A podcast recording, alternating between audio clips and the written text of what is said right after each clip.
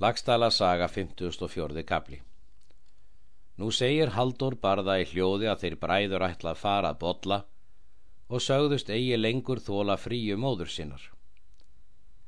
Er ekki því að leina barði frændi að mjög var undir heimbóði við þig að við er vildum hér til hafa þitt liðsinni og brautargengi. Þá svarar barði. Ítla mun það fyrir mælast að ganga á sættir við frændur sína en í annan stað sínist mér bolli tór sóttlegur. Hann hefur margt manna um sig, en er sjálfur hinn mest í garpur. Þar skortir og eigi viturlega ráðagerðir, er þau eru guðrún og ósvífur. Þykir mér við þetta allt saman óauðsóttlegt.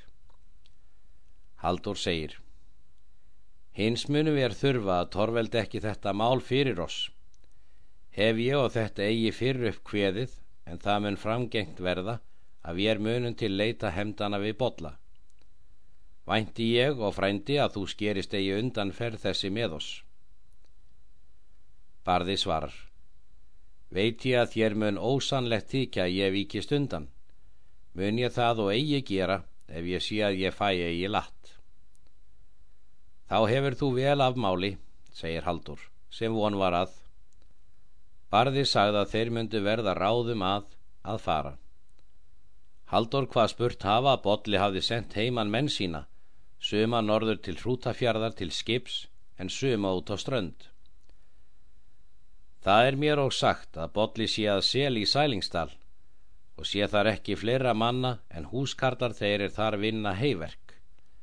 Sýnist mér svo sem eigi mun í annarsinn sítna að leita til fundar við Bodla en nú og þetta staðfesta þeir með sér Haldur og Barði. Maður hétt Þorsteit Svarti. Hann bjó í Hundadal í Breiðafjörðardölum, vitur maður og auðugur. Hann hafði verið langan tíma vinur Ólas Pá. Sistir Þorsteins hétt Solveig. Hún var giftið mann er Helgi hétt og var Hardbeinsson. Helgi var mikill maður og sterkur og farmaður mikill. Hann var nýkominn þá út og var á vist með Þorsteini mái sínum. Haldur sendir orð Þorsteini svarta og helga mái hans.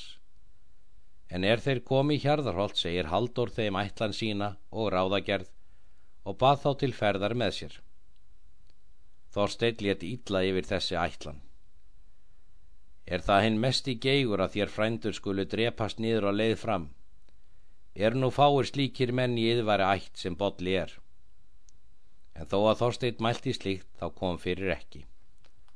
Haldur sendir orð lampa föðurbróðu sínum og er hann kom á fund Haldurs þá sagði hann honum ætlan sína. Lampi fýsti mjög að þetta skildi fram ganga. Þorgerður húsfriða var og mikill kvata maður að þessi ferskildi takast. Hvaðst aldrei hefndi ekki að kjartans nema botli kæmi fyrir. Eftir þetta búast þeir til ferðar. Í þessi ferð voru þeir Ólafsinir fjórir, hinn fymti var barði, þessir voru Ólafsinir, Haldur og Steinþór, Helgi og Höskuldur, en barði var svon Guðmundar, sjetti Lambi, sjöndi Þorstein, átti Helgi Máur hans, níundi Án Rísmægi. Þorgerður jéðstók til ferðar með þeim. Heldur löttu þeir þess og hvaðu slíkt ekki hvernaferðir. Hún hvaðst að vísu fara skildu, því að ég veit gerstu miður sónu mína að þurfi þér bríninguna þeir segja hana ráða mundu